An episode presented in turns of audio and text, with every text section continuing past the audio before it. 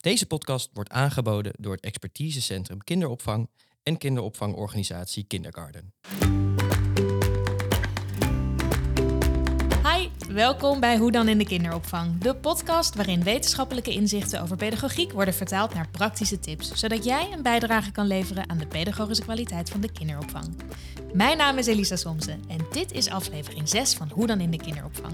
Een initiatief van het expertisecentrum kinderopvang en kinderopvangorganisatie Kindergarten. Aflevering 6 is de tweede aflevering van een tweeluik over duurzaamheidspedagogiek. Ehm, we hebben uh, aflevering, ja, de eerste aflevering hiervan eigenlijk al opgenomen. Uh, over de natuurbeleving met kinderen, naar buiten gaan. Luister die vooral ook uh, terug, want die zit boordevol tips die erg mooi zijn. Maar duurzaamheidspedagogiek gaat over meer dan dat. Ook over het zorgen voor onze ja, aarde eigenlijk. En hoe we dat kunnen doen binnen de kinderopvang. En daarom zit ik nogmaals aan tafel met Marianne Joven, docent natuuronderwijs en onderzoeker binnen de kenniskring Natuur en Ontwikkeling Kind bij de Hogeschool Leiden. En Marielle Hettinga, manager kwaliteit en opleiden bij Eigen en Wijzer. Zijn jullie eigenlijk groen? Zou je dat zo kunnen zeggen? Vind je jezelf groen, Marielle? Ik vind mezelf wel groen, maar nog niet groen genoeg. Nee? nee. En wat maakt dat verschil dan? Wanneer ben je groen genoeg? Ik, wanneer ben je groen genoeg? Um, nou, ik eet nog steeds vlees. Oh ja. Want, ja. Dat, want dat vind ik lekker. Ik, ik minder wel, maar ik, vind het, ik eet het nog wel. Als je echt groen bent, moet je dat misschien niet meer doen. Um, ja, inderdaad. Marjan die knikt al heel hard. Ja, dat weet ik. Marjan denkt, ik eet al vegetarisch. Dus de, dat, die stap ik, heb ik al gezet. Ik ben al heel lang vegetariër, dus dat is makkelijk praten. Ja, en dat weet ik van Marjan. Dus, uh, maar ik denk, ja, dat weten we wel natuurlijk. Ik bedoel, uh, ja, en zo zijn er altijd nog wel meer dingen die je kan doen. Ik probeer duurzaam te kopen. Ik heb nu sinds januari koop ik geen kleding meer, alleen via Vinted. En dan alleen uit oh, ja. Nederland en België, uh, zeg maar.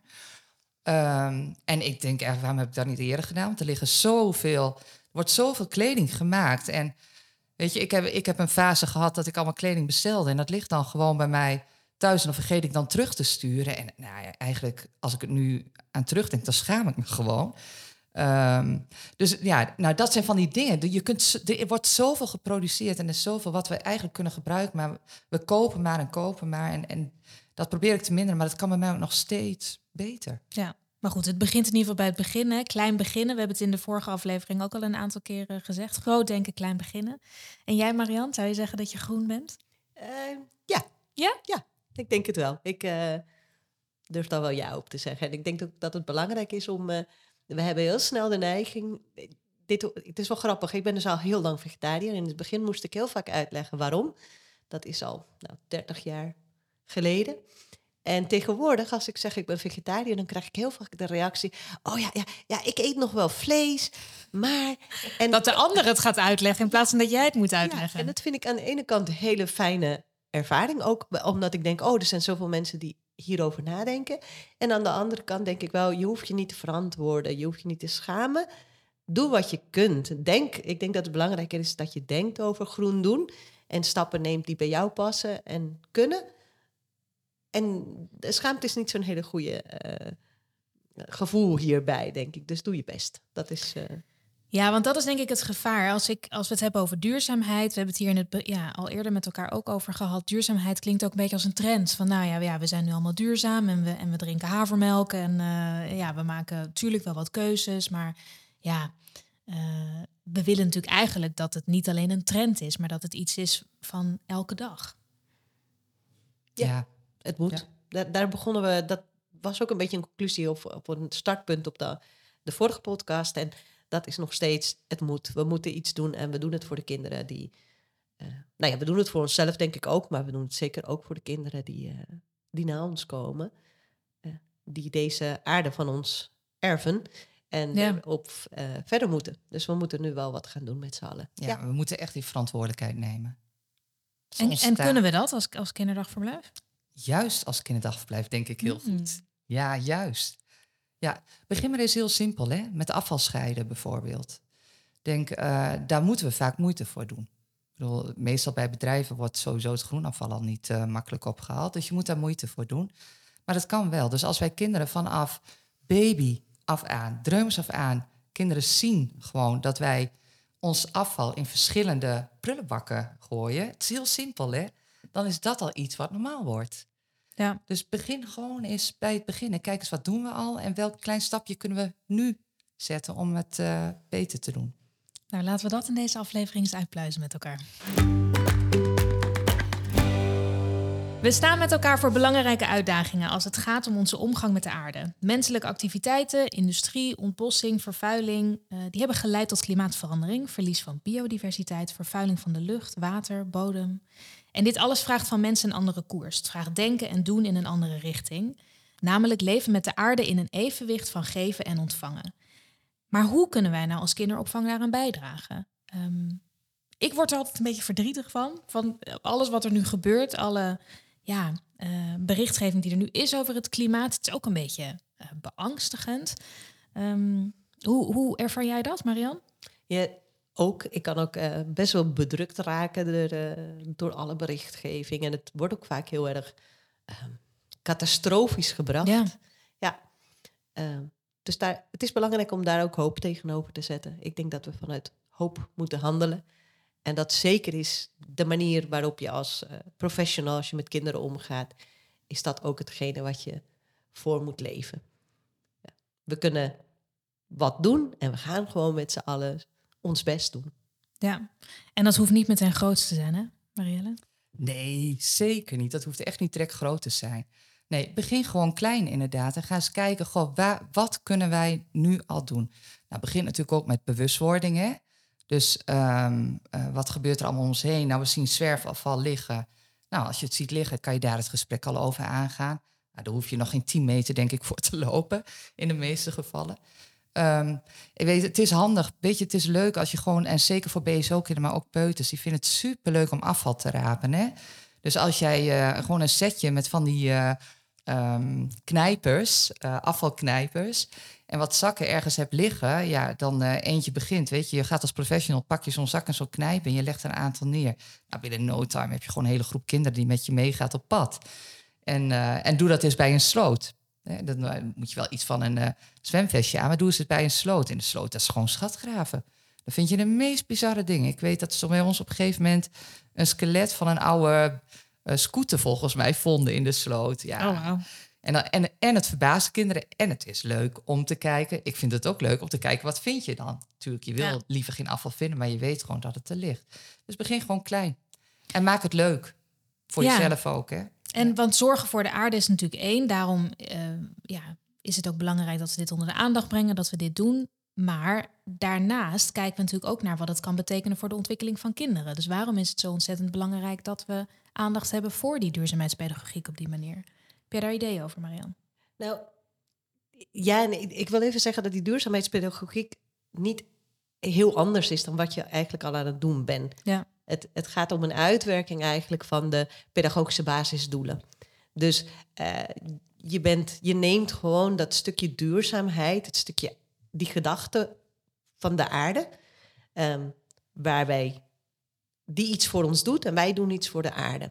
En dat neem je mee eigenlijk. Dat ga je nog misschien als je dat niet al doet en eh, verder uitwerken in je, in je eh, pedagogische basisdoelen Ja, dus in het stimuleren van de ontwikkeling van, van de kinderen. Ja, dus als je Ja. kijkt van een van de pedagogische basisdoelen is een veilige basis eh, geven aan de kinderen. Dat doe je natuurlijk door er voornamelijk door er ook als pedagogische medewerker te zijn hè, en de band met de kinderen aan te gaan, maar ook de omgeving waarin je ze aan het opvoeden bent, ervoor aan het zorgen. Dat is dat stukje binnen, maar ook buiten. Dus je leert kinderen zich vertrouwd voelen in de buitenruimte. Je leert kinderen dat het fijn is om buiten te zijn. Daarmee kunnen kinderen dan ook weer profiteren van eh, de voordelen van buiten zijn. Dus de gezondheidsvoordelen die het met zich meebrengt of de eh, ontwikkelingsmogelijkheden die er zijn. Ehm, je geeft kinderen autonomie. Dat is, nou, daar hadden we het in de vorige aflevering ook over. Dat is anders als je dat binnen doet dan als je dat buiten doet. Ehm, en je gaat uiteindelijk ook een stuk normen en waarden overdragen, waarbij die zorg voor de aarde, dat zorgzaam zijn voor jezelf, voor anderen en ook voor alles wat om ons heen leeft, maar ook voor wat niet leeft. Dus je bent zorgzaam voor die sloot, waar je dus geen plastic in gaat gooien. Eh, je zorgt voor de beestjes die er zijn. Ehm, dus dat, dat is het stukje van ja, Ja, dus duurzaamheid. eigenlijk doen we het al. Ja. Want we, want we voldoen al aan die, aan die basisdoelen, die pedagogische precies. basisdoelen. Die zit bij iedereen al in het, ja, eh, in de visie, in het beleid en eigenlijk hoe je omgaat met kinderen. Alleen het vraagt net even eh, dat stukje van neem ook dat buitengedeelte mee. Of, die, of juist dat zorgen Ja, die duur, nou, niet alleen buiten in dit geval, Nee. hè, want het is groter. Duurzaamheid is natuurlijk ook binnen. Je, kan het, je kunt voor duurzaamheid ook veel doen in Ja, binnen in ja, een binnen, ruimte. ja. Ja. binnen een ruimte. Je kan, nou, afvalscheiden is al genoemd, maar je kunt ook denken aan eh, eh, met de kinderen. eh, dit is een voorbeeld van een BSO die eh, de kinderen een speelgoedruimmiddag eh, gingen ze doen. Dus ga, je gaat niet steeds nieuw speelgoed kopen, want dat komt. Daar zit een prijskaartje aan vast als het gaat om duurzaamheid. Weet je wat we gaan doen? We gaan ruilen. Breng het speelgoed waar jij niet meer mee speelt. En dan mogen jullie dat met elkaar eh, eh, ruilen. Dit was ook eh, met de ouders. Dus dat is een heel mooi voorbeeld van hele concrete invulling van, van duurzaamheid. Waarbij je denk ik ook aan sociale competenties aan het werk bent. waarbij je de ouderbetrokkenheid vergroot. Want die vraag je ook om mee te komen naar de BSO. Dus Ja, eigenlijk aspecten die je sowieso al wil Ja. versterken binnen een kinderdagverblijf of BSO. Eh, maar die dan op deze manier nog weer een soort extra... Dus je hebt even een andere bril erbij nodig. Maar het is niet een iets extra's. We gaan nu iets nieuws doen. Nee, het is niet die trend van, oh, we worden ook even duurzaam. En Nee. dan, eh, eh, ja, dan zien we volgend jaar wel weer wat de nieuwe trend wordt. Want dit is gewoon ja, al onderdeel eigenlijk van wat we doen op het kinderdagverblijf. En je zei, we bieden een veilige basis, een stukje persoonlijke competenties. Ik kan me wel voorstellen, als je het hebt echt over die waarden en normen, dat die misschien ook nog wel lastig te bepalen zijn. Wat zijn dan die waarden en normen? Die zijn natuurlijk ook heel verschillend voor ook pedagogisch professionals. Eh, ja, dus dit vraagt ook van. Dit vraagt ook om een stukje eh, hoger. Dat je met je organisatie ook gaat bespreken met elkaar. Wat is voor ons belangrijk? Eh, waar ligt ons focus? Wat, ja, nou, waar Marielle het over had. Eigenlijk dat je ook gewoon bewustwording. Dus als je aan duurzaamheid wil werken, moet je ook bewustwording gaan creëren bij je eigen eh, personeel. Ehm, dit moet ook een, een punt op de agenda zijn. En dan kom je ook weer eh, dat stukje klein. Je kunt klein, maar je kan natuurlijk ook grotere, op groter niveau kijken. Ik, van de week stond er een, eh, een voorbeeld ehm, van een grote kinderopvangorganisatie die nu weer een pilot aan het doen is in Den Haag, waarbij ze weg, geen wegwerpluiers meer gebruiken, maar eh, wasbare luiers. En dan werken ze samen met een industriële wasser. Nou, daar zitten ook voor- en, voor- en nadelen aan. Maar dat soort grotere maatregelen kan je natuurlijk ook gewoon bekijken binnen je organisatie. Als je duurzaamheidspedagogiek gaat ook om het goede voorbeeld geven. Of het gaat misschien zelfs heel erg over het juiste voorbeeld geven. En dat doe je naar de kinderen toe, ook door, te, ja, door zelf duurzaam te zijn als locatie, als organisatie. Je geeft iets mee aan de kinderen, je geeft iets mee aan de ouders. En hoe geven jullie daar vorm aan, Marielle? Eh, op verschillende manieren. Het is organisatiebreed wordt het gedragen. Dus we hebben bijvoorbeeld eh, de dag van de pedagogisch medewerkers nu eh, even zien, net geweest. Eh, nou, en dan hebben we wel gekeken, oké, wat voor cadeautjes geven we dan? Dus we hebben nu, eh, heeft iedereen, nou ben ik de naam even kwijt, maar een, een boekje waarin je kan schrijven. En dan heb je een app erbij en, en die noot, die kan je dan scannen en dan dat sla je weer op in een mapje. En dan kun je het boekje weer hergebruiken, zeg maar. Dan gaat er ook weer een deel naar een goed doel. En dus een, een duurzame eh, belang voor duurzaamheid draag je niet alleen eh, uit als pedagogisch professional. Dat zit door de hele organisatie verweven. Wat bij ons belangrijk is, we nemen het veel mee natuurlijk ook in trainingen, maar is dat je eigenlijk ook telkens kijkt, wat is afval? Is dit afval? Moet, moet dit echt weg? Of kunnen wij hier nog wat mee? En dan merk je dat eh, bij ons, we hebben een, een, eh, mega creatieve pedagogisch professionals. Die zijn trouwens sowieso vaak eh, creatief. Heel creatief. Hè, heel creatief. Ik hoorde laatst het verhaal van een collega, twee pedagogisch professionals, waren een wandeling met de kinderen aan het maken. En die zagen buiten hout liggen. En toen dachten ze, ja, dat zijn superleuke houten planken om buiten in de buitenruimte neer te leggen voor de kinderen om mee te spelen. En eh, dus eh, een van de pedagogisch professionals die durfde wel. En die eh, samen met kids zullen we vragen of we het mogen, mogen hebben. En die heeft het gevraagd aan een man die buiten ermee bezig was. Goh, gaat het weg? Want wij zouden het eigenlijk wel willen meenemen voor onze kinderen op het kinderdagverblijf. Nou, dat was goed. Dus met de kinderen die planken meegenomen. Maar ook in diezelfde week met de kinderen weer een bosje bloemen gebracht naar die, die buurman. En denk, als je het dan hebt over overdracht van normen en waarden, uh, emotionele en sociale ontwikkeling, uh, kansen zien, duurzaamheid, eigenlijk zit alles uh, daarin. Nou, met als gevolg dat nu die kinderen heel veel met die planken buiten spelen.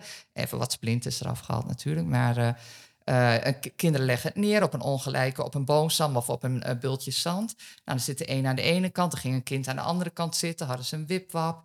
Een ander legt het tegen een heuveltje aan en dan uh, rijden de auto's vanaf. En een dreumers die legt gewoon een paar planken in de, in de kruiwagen. En alleen het sjouwen daarmee is al een activiteit. Dus, ja, goed. dus wij zijn veel bezig met, is het afval of niet? En hoe, uh, wat kopen we nieuw, wat niet? En hoe kunnen we de kinderen daar ook bij betrekken? En dat doen jullie echt op organisatieniveau. Dus dat echt. geldt voor alle locaties. Ja, die, uh... geldt voor alle locaties. Ja, geldt voor alle locaties. En elke locatie geeft daar weer anders vorm aan. En met elkaar kun je als locatie kan je elkaar ook inspireren natuurlijk. Je hoeft ook niet alles zelf te bedenken. Denk de ene locatie heeft bijvoorbeeld een, uh, een uh, kinderboekenzwerfkastje.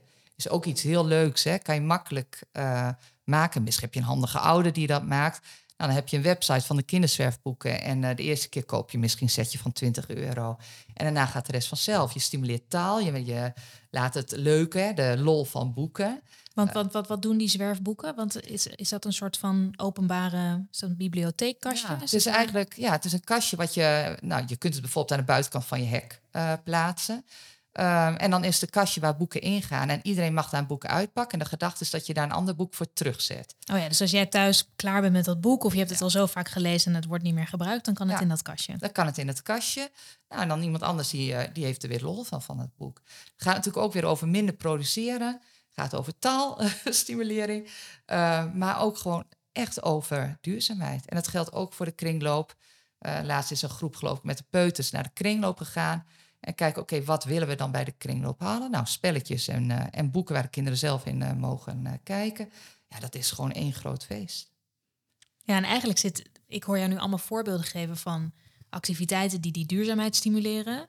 Maar eigenlijk stimuleert het dus veel meer dan dat. Het is veel meer. niet Ja. alleen maar duurzaamheid. En misschien ben je dus ook al een activiteit aan het doen... die indirect ook alweer duurzaamheid stimuleert. Dat is natuurlijk een beetje dat Ja. dubbele denken van... oh, misschien doe ik het onbewust al. Ik denk dat het heel veel onbewust al wordt gedaan. En we doen het, even kijken, dus we hebben het gehad over organisatieniveau, maar even op het niveau van een pedagogisch medewerker. Want ik kan me voorstellen dat je misschien in een organisatie werkt, ja, die nog niet die stappen nemen, die of misschien wel aan het nemen zijn, maar waar dat nog niet zo, ja, nog niet zo snel gaat. Ehm, het vraagt natuurlijk ook het doorbreken van ja, heel oude patronen soms, van ja, die cadeautjes en al die materialen. En ja, dat doen we gewoon, want dat is ook goed om al die materialen te hebben. Maar wacht even, is dat dan wel duurzaam? Maar op het niveau van een pedagogisch professional die echt op de groep staat.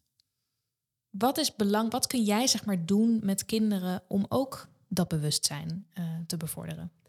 Nou, als je met hele jonge kinderen is eigenlijk um, voldoende om naar buiten te gaan, bijvoorbeeld. Dus dat je buiten bent, dat de kinderen. Uh, dat is het stukje als je de kinderen in de natuur laat zijn, gaan ze daar ook uh, en jij hebt een positieve houding daartegenover, dan is dat wat je aan het uh, meegeven bent. Dus je geeft liefde voor de natuur, liefde voor de aarde. En dat is, als je dat meekrijgt als kind, dan zijn dat patronen die gewoon je ook vaak bij volwassenen terugziet. Dus wat je, hè, dat is jong geleerd, oud gedaan. Dus dat kan al voldoende zijn.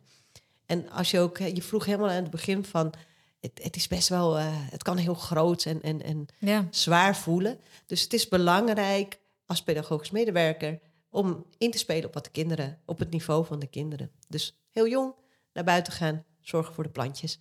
Uh, wat ouder, als je op een BSO werkt, kun je kijken wat kunnen we uh, dichtbij doen. Wat, wat vinden de kinderen, wat zouden de kinderen aan duur zijn? Kinderen zijn zeker op de basisschoolleeftijd ook al heel erg bezig met het milieu vaak. Um, er is een enquête geweest een tijdje terug. Ik geloof dat meer dan de helft van de kinderen, en dat ging over uh, basisschool- en middelbare schoolkinderen, aangaf erg bezorgd te zijn over uh, het milieu en het klimaat. Dus je wil ze ook iets geven waar ze hoopvol van worden. Dus ga iets, geef ze ruimte om actief te zijn, om zelf iets mee te doen. En dat kan dus bij iets oudere kinderen, dan kan je afval gaan opruimen, kan een goede activiteit zijn. Of misschien kan je iets opzetten waar je het Wereld Natuurfonds mee helpt. Dus geef ze handelingsperspectief. Want dat geeft ook hoop. Ehm, en het is voor kinderen ook belangrijk om af en toe eh, niets te hoeven doen. Dus het mag ook zo zijn dat ze, als je merkt dat kinderen er even niet mee bezig, een kind er niet mee bezig mag zijn, wil zijn, dan hoef je niet als, ja, maar dit is belangrijk en we moeten echt iets doen voor, voor de aarde. Het mag ook eventjes, als het te Ja, want dat is. kan denk ik ook juist die stress en die angst heel erg. Dan ben je juist niet, niet dat hoopvol zijn of die. Precies, eh, dus je kan ook echt iets doen. Ja, dus je moet als pedagogisch medewerker daar ook eh, nou, sensitief in zijn. Kijken wat, wat hè, wees nieuwsgierig, kijk wat de kinderen willen, ga daarin mee. En als je ook merkt, het is ook wel oké. Nou, er gebeurt al heel veel of er is al heel veel. eh. En je had het in het begin over die positieve houding. Eh, hoe ziet een positieve houding richting de aarde en de natuur? Hoe ziet dat eruit? Kun, kun je dat wat concreter maken? Ehm, nou, het, is belangrijk, denk ik, dat je zelf hoopvol, hoopvol bent. Eh, en het is bij jezelf eh, je afvragen, wat ben ik aan het doen? Daar die bewustwording, denk ik. En als je bijvoorbeeld in de tuin bent met jonge kinderen, hoe, hoe, hoe, ja, hoe uit die positiviteit zich? Eh, Ik, ik ben een beetje, Ja, ik, ik vraag me een beetje af, want ik, ik snap dat heel goed. Van nou, we, we moeten positief zijn. En, maar hoe ben ik positief? Hoe, Nou. wat, wat, wat doe ik dan? Wat goed is om als basishouding, denk ik, te, aan ten heel veel je bewust te zijn, is dat eh, wij iets voor de aarde betekenen, de aarde betekent. Het is een wederzijds proces. Eh, dat kan je heel goed in een, in een kinderdagverblijf, kan je dat bijvoorbeeld heel mooi tot uiting laten komen door eh, een moestuintje te hebben. Door Oh, ja. dingen te gaan planten met elkaar. Dus je gaat voor de planten zorgen. En het kan heel simpel. Het kunnen aardbeienplantjes zijn. Die doen het eigenlijk best wel altijd. zijn redelijk, redelijk stabiel. ja, of denk aan een eh frambozenstruik, bessenstruiken. Ehm, je gaat ervoor zorgen, samen met de kinderen. Dus je gaat er water voor geven. En na een tijdje komt er iets terug waar we van kunnen eten, waar we van kunnen smullen. Of je kunt kijken van, we gaan de eh, vogels in de winter gaan we vetbollen ophangen. En die vetbollen kan je ook zelf maken met de kinderen. Ook erg leuk wij doen iets voor de vogels en de vogels doen iets voor ons, want die komen. En die zijn in onze tuin en die zijn blij dat wij dat voor ze hebben gedaan. Dus wij zijn weer blij dat de vogels blij zijn. Zoiets. Oh ja, dus eigenlijk, eigenlijk is dat ook op een hele simpele manier kijken van... oké, we kunnen ook iets laten groeien of iets laten ontstaan of iets laten ontdekken. Eh, en misschien ook niet dat idee van... oeh, buiten en regen. eh, ja, we hebben het al eerder over gehad. Waarom is regen slecht weer? Ehm, dat is natuurlijk ook een attitude en een houding waarin je kan zeggen... nee, regen is juist leuk, want dan ontstaan er plassen. Eh, en misschien kunnen we wel iets met die plas. En, en die plas is ook belangrijk. En het is ook wel leuk vanuit, uh, als je kijkt naar wat in verschillende landen gedaan wordt met jonge kinderen ten aanzien van duurzaamheid. Uh, in Engeland, de VS en Nederland zit denk ik daar ook een beetje in. Gaan we heel erg uit van het onschuldige kind. Uh, die je gewoon vooral wil laten genieten. Dus die zet je in de natuur, die geniet van de natuur. En doordat we dat meegeven, gaan ze zorgen voor de natuur. Uh, in bijvoorbeeld Duitsland, Scandinavië hebben ze meer een andere insteek. Daar zetten ze meer in op dat actief je inzetten voor. Dus wat zij doen is, nee, we gaan juist met de kinderen ook dingen doen voor de aarde. Dus we gaan ons, hè, we gaan afval scheiden, we gaan op het park gewoon alles opruimen. Uh, omdat je op die manier ook weer een positieve... En je draagt bij, en dus dan ben je meer op dat activistische bezig. En het zijn allebei goede manieren, denk ik. En het is goed om, om je daar ook van bewust te zijn. En je keuzes in te maken. Ook wat past bij jou, wat past bij je...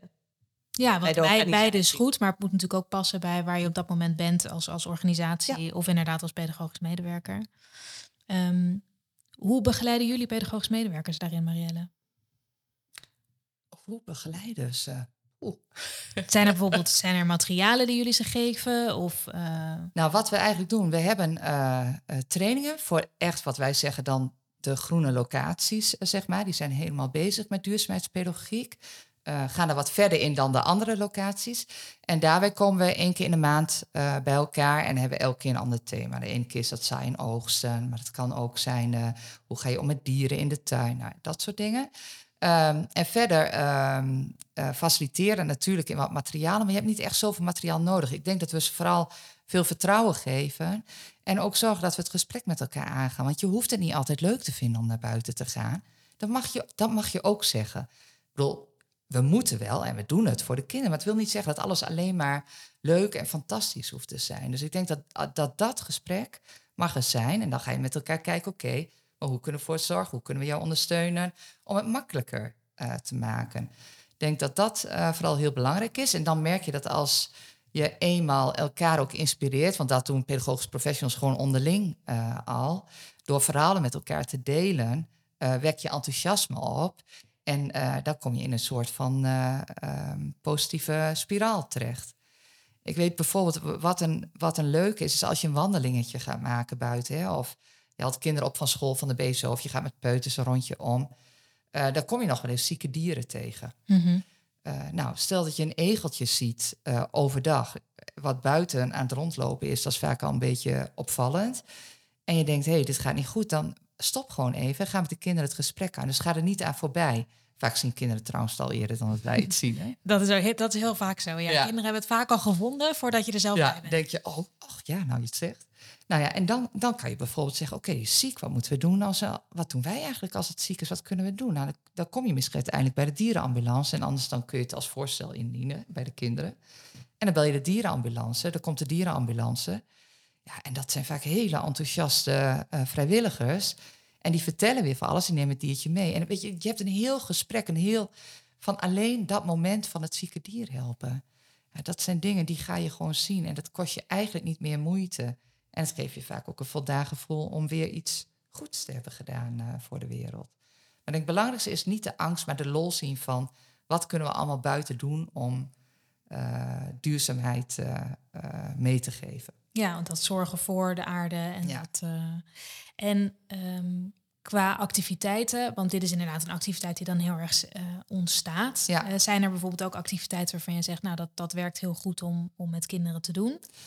Um, nou ja, wij hebben op veel locaties dieren, werkt goed. Dat kan heel klein, hè. je kan gewoon vissen hebben, maar je kan ook zeggen, oh, we willen buiten wat kippen of, of konijnen. vaak in het begin is de zorg van, goh, hoe ga je dan om met uh, de verzorging in het weekend? Hè, dat, is, ja. dat is vaak een uh, dingetje. Maar ja, onze ervaring is, kijk, we hebben uh, wijtjes, noemen we dat, kleine wijtjes. En daar moet je niks bij voorstellen. Hè. Dat is, nou, zeg eens, acht bij zes of zo. Een stukje afgeschermd. En overdag, als we open zijn, dan lopen daar dieren, bijvoorbeeld konijnen en kippen. En s'avonds dan gaan ze gewoon weer in het hok en de volgende ochtend weer eruit. Ja, in het weekend zitten, die wel in hun, zitten ze wel in hun ren. Uh, maar met genoeg voer en drinken hoef je daar eigenlijk niet heen. Kijk, de momenten waarop je daarheen gaat, dat zijn de momenten waarop het heel warm is in de zomer. Maar dan vinden de pedagogische professionals dat eigenlijk ook niet erg om het om en om te doen. En als je dat wel vervelend vindt, dan kun je afspraken met ouders maken. We hebben een locatie, die doen dit met ouders. Ja, ouders vinden het vaak heel leuk om met hun kinderen in het weekend de dieren te verzorgen. dat is voor hen een activiteit. Dan, uh, nou, dat stimuleert ook weer een stukje ouderbetrokkenheid. En kijk hoe je met elkaar natuurlijk daar vorm aan kan geven. Nou, alleen dat al, dat zorgen voor die dieren, dat uh, is op veel plekken echt een uh, succes. Daar waar medewerkers eerst dachten, oeh, dan moeten we de hokken schoonmaken. Hoe gaan we dat doen? Maar omdat je het samen doet met de kinderen, je verdeelt taken met elkaar. Ja, is dat heel waardevol. Dus s ochtends begin je de dag met de dieren voeren en uit de, uit de hokken te laten.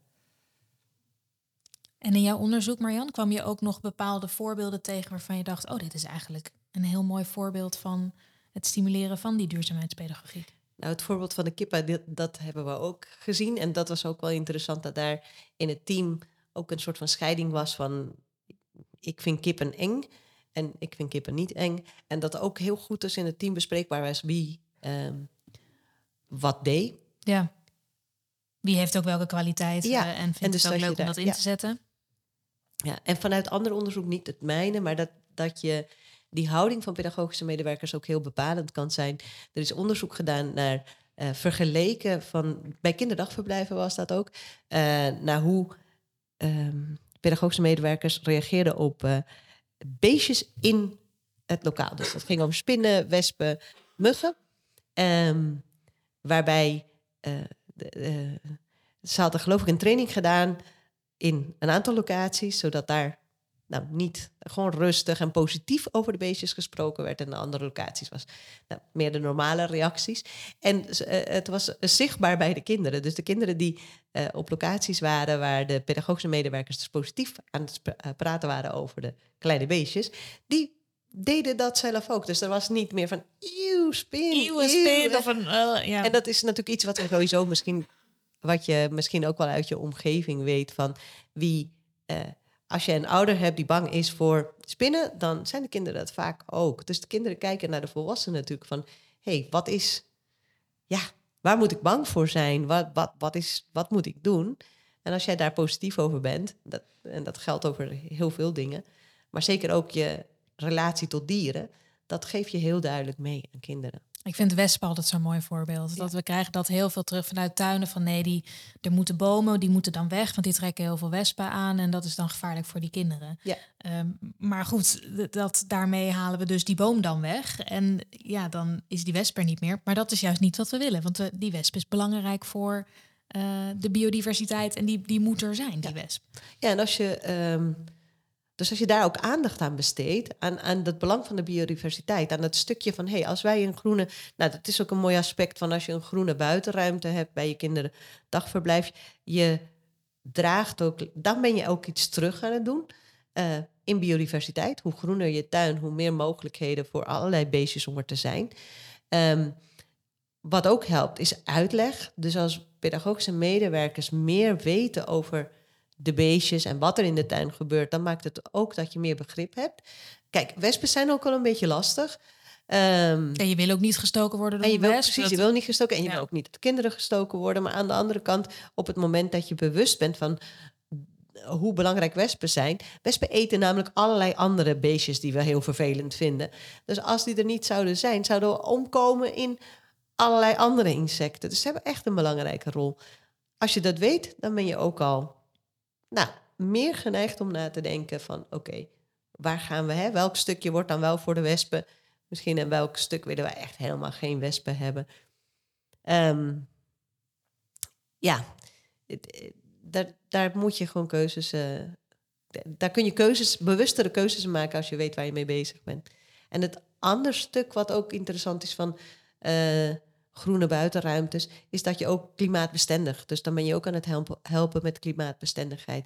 Het water van regenbuien kan makkelijker weg in een, eh, in een groene eh, ruimte dan. eh, ja, in een- alleen maar tegels. en je kunt zelfs, dus je kunt ook gewoon plasjes laten staan. Hè, dan, dat biedt dan weer, dan komen we weer op de ontwikkelingsmogelijkheden voor kinderen. De Plasjes zijn echt heel erg leuk als je twee jaar bent en je eh, laarsjes aankrijgt en daar gewoon lekker in mag gaan springen en spetteren. En ehm, misschien ook een ander aspect is, je kunt als kind dan ook merken van, oh, ik ben helemaal nat en koud geworden en eh, dat is helemaal niet fijn. Maar daarna ga je naar binnen en je krijgt warme kleren aan en je voelt je weer helemaal lekker en happy. Oh, dat was ook helemaal niet erg. Dus in die zin maak je kinderen ook gewoon wat weerbaarder. Dus er zitten allerlei verschillende aspecten aan vast. Ja. En dat plasje kan een, ja, kan een soort water zijn waar een bootje in kan eh, eh, varen. Dat kan natuurlijk, ja, je kan erin stampen, je kan erin ja, liggen inderdaad. Dan ben je inderdaad wel helemaal nat, maar dat kan natuurlijk wel een leuke ervaring zijn voor, voor kinderen. Eh, want dat is denk ik het, het andere dilemma. Want als ik dit zo hoor, denk ik ja, buiten en buiten spelen en inderdaad ook met water aan de gang. Ehm, dat water, dat kan natuurlijk ook voor bepaalde tekorten bieden. Je wil ook niet dat daar te veel eh, te- ook weer te veel van wordt gebruikt. Als ik kijk naar ja, hele groene tuinen, ehm, dat zie ik ook wel gebeuren. Van ja, maar die moeten ook water hebben. Terwijl dat water, ja, dat is eigenlijk ook eh, schaars. Ehm, hoe kan je daarmee omgaan als organisatie?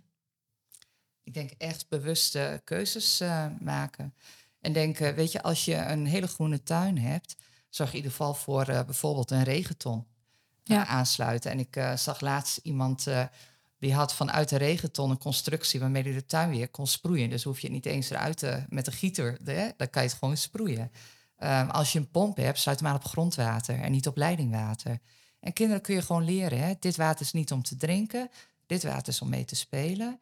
Drinkwater dat hebben we binnenuit de kraan, daar moeten we zorgvuldig mee omgaan. Dus eh, ik denk dat je daar heel goed keuzes in kunt gaan maken. Ja, dus het is wel van belang op het moment dat je die groene buitenruimte hebt en dus dat wil gaan aanbieden, dat je ook die stappen zet. Dat je ook Ja. nadenkt over, oké, maar hoe eh, zijn we ook in het aanleggen van die tuin natuurlijk op een duurzame manier bezig? Ja, en je kunt als je dit soort dilemma's hebt, kun je natuurlijk ook. Dat is eh, ook een kans om dit met de kinderen zelf te bespreken. We hadden in de ontwikkelgroep van het expertisecentrum. Een van de voorbeelden die gegeven werd, en vond ik ook heel mooi, uh, een BSO waar ze dus niet meer de tuinslang openzetten. Het is superleuk. Het is warm. Je wil lekker uh, met water spelen. Dus weet je, we gaan. Maar we gaan dat niet meer doen met de tuinslang gewoon open. We zetten. Nou, daar hadden ze met kinderen nagedacht. Hoe kunnen we hier zuiniger mee omgaan? Hoe kunnen we zorgen dat we minder water gebruiken? En met elkaar waren ze tot, tot de oplossing gekomen van, nou, er gaan een aantal emmers worden gevuld. Die staan buiten, daar spelen we mee. En als het water op is, dan is het water op. En dan gaan we wat anders doen. Ja, dus zelfs daar kan je kinderen bij betrekken. Ja, nou ja, dat participatie, dat aspect van geef kinderen ook een stem, laat ze meedenken. Uh, dat zorgt er ook voor dat ze, uh, dat, dat, ze ze serieus genomen, dat ze merken van, oh ja, maar wij kunnen ook, we hebben hier iets in te zeggen. We hebben hier iets in, we mogen, we kunnen iets doen, er wordt naar ons geluisterd. En hiermee helpen we elkaar verder. Ja. ja. En het is natuurlijk een hele mooie kans om kinderparticipatie ook in te zetten. Want dat is iets wat we op de BSO's willen. Ehm, en wat wel gedaan wordt, maar wat ik denk nog veel meer gedaan kan worden. En niet altijd makkelijk is voor uh, pedagogisch professionals om dat te doen. Nou, dit is een hele mooie manier om kinderen mee te laten denken in je eigen problemen. Ja, hebben we weer een toevoeging gedaan aan de ontwikkeling van kinderen. Of dat weer op een goede manier begeleid. En daarnaast aan duurzaamheid gedacht. We sluiten de aflevering altijd af met een aantal tips. Uh, ondanks de tips die jullie natuurlijk al allemaal genoemd hebben over uh, het duurzaam kunnen werken met kinderen of daarover kunnen nadenken, ben ik toch benieuwd of jullie nog een extra tip hebben voor onze luisteraars. Uh, Marian, mag ik met jou beginnen? Ja, nou, ik heb er ook eentje die ik heel mooi vond in de, uit de ontwikkelgroep. Um, dat was bij een organisatie waar ze elke PM'er iets bedacht en inbracht in het team van hoe ze aan duurzaamheid konden werken. En dat gingen ze dan uitvoeren. Ik geloof dat ze allemaal briefjes hadden opgehangen. En dan pikten ze er elke keer een, een idee uit. En die gingen ze dan met elkaar doen. En op die manier, in kleine stappen, gingen ze steeds duurzamer de dingen inzetten. Mooi. Dankjewel. Want ik denk dat dat een hele laagdrempelige manier is om wel tot inderdaad die activiteit te komen. Het faciliteert dat gesprek ook weer wat je onderling kan hebben. Mooi. En jij, Marielle? Um, ja, ik denk dat het ook heel mooi is als je ouders ook bij mee wilt nemen, zeg maar. Dan zet je het nog weer breder in. Uh, wat wij bijvoorbeeld op bepaalde locaties doen, is dat we twee keer per jaar een uh, tuindag hebben. Eén keer met een natuurwerkdag in november en één keer met NL Doet in het voorjaar.